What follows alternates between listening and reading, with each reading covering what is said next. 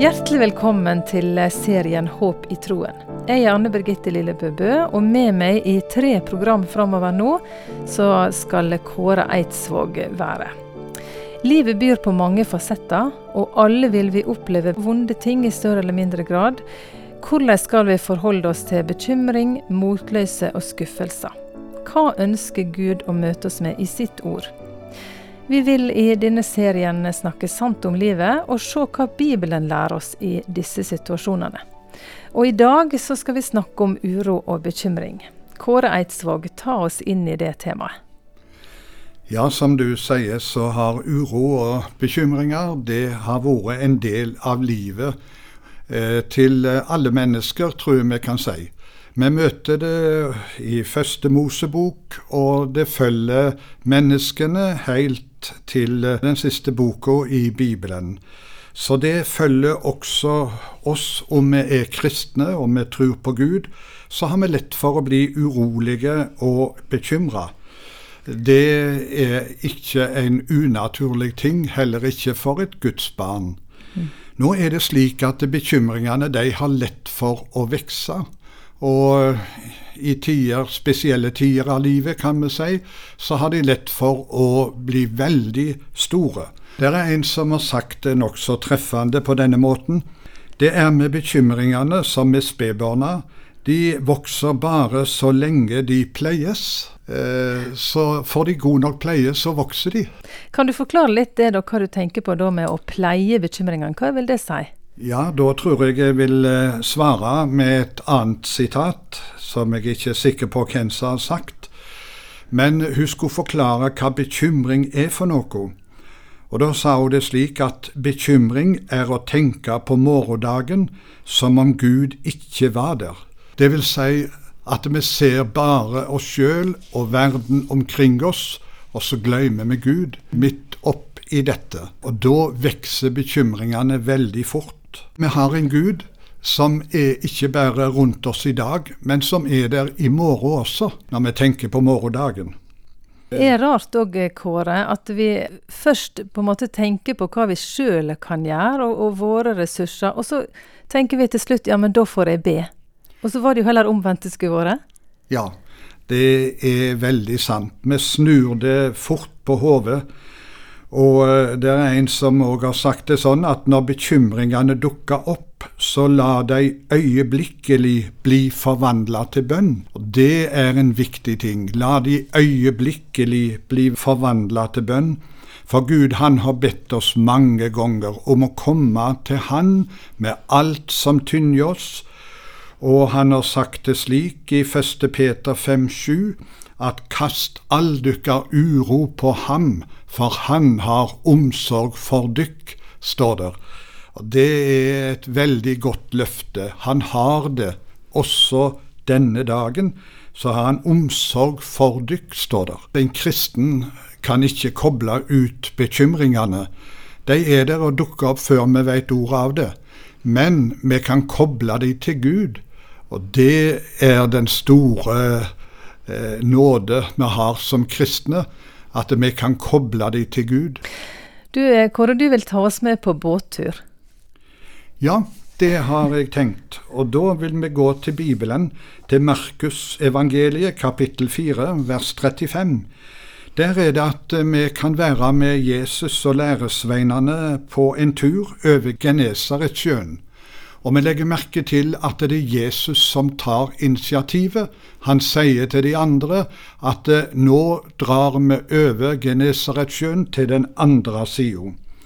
Og da skulle en jo tro at eh, når Jesus han ber oss om å gå, eller ro over Genesaretsjøen, mm. da blir det maksvær. Bare fint og greit alltid sammen.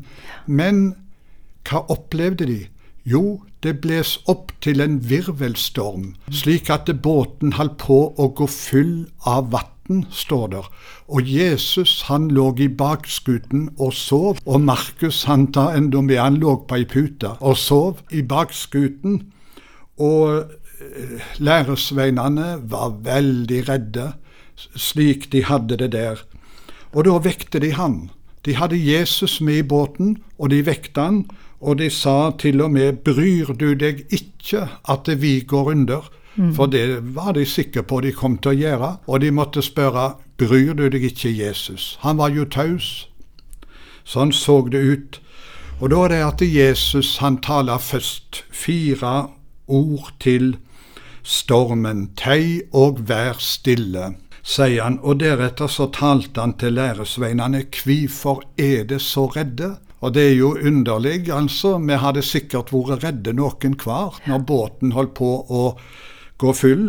Iallfall så blir jeg redda mindre enn det. Men eh, han spurte de hvorfor er det så redde? Og eh, hvorfor har han snakka også noe om deres tru, at de er vantruende eller de har lite tru. Det er forskjellige oversettelser på det.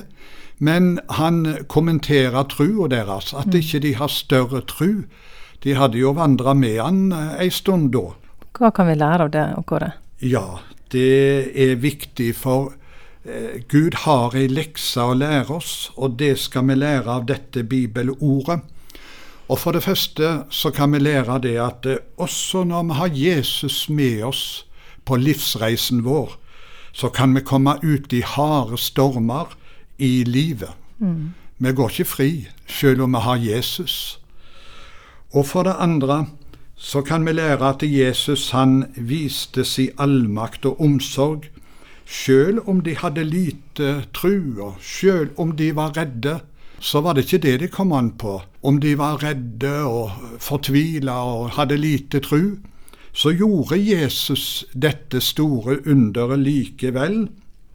Og der vil jeg gjerne føye til at det er ikke størrelsen på vår tru som er det avgjørende. Men det som er det avgjørende, det er at du og jeg har en stor Jesus. Det er det som gjør underet. Og det har vi uavhengig av hvor stor eller liten vi føler trua vår er, så er Jesus like stor. Ja. Det kommer ikke an på oss. Nei, det Nei. kommer ikke an på oss. Vi har så veldig lett for å så se på oss sjøl og vende blikket innover. Og om jeg har lite eller mye tru, osv. Men det er feil. Da blir det ille med oss. Men vi har en stor Jesus, og han er ikke avhengig av om vi er redde eller ikke. Nei. Men hva kan du si til de som er redde, og kjenner på det nå, Kåre, eller som kjenner at de har ei lita tru? Ja, da vil jeg si det at eh, det viktigste da er at du har Jesus med deg i båten. Altså Jesus om bord i din livsreise. Vi er alle sammen på en livsreise. Jeg er en seiler på livets hav, er det en som har sagt, og det er vi alle sammen. Og det viktigste er at du har Jesus i din båt. Og så vil jeg si en ting. Jeg også er ofte bekymra, urolig og redd. Så om du hører på, altså føler på det at du er redd og bekymra, så skal du vite at du er ikke alene. Det er jeg også. Så var det en tidlig morgen jeg våkna, og så var det noe jeg var urolig og bekymra for. Og da var det at eh, Gud møtte meg, og den gangen var det ikke akkurat gjennom et bibelord, men det var en god åndelig sang som sier gode bibelske sannheter til oss. Og det er denne sangen som begynner sånn. Hva enn du møter på jorden her, Gud vil ta hånd om deg. Under hans vinger så trygg du er, Gud vil ta hånd om deg. Og så i det fjerde verset så står det noe veldig fint. Prøves du hardt, han gir mot og trøst. Gud vil ta hånd om deg. Helt inn i livskveldens sene høst vil han ta hånd om deg. Altså, hans omsorg den avtar ikke med år og med alder, den varer hele veien, og den varer helt inn i livskveldens sene høst, så vil han ta hånd om deg.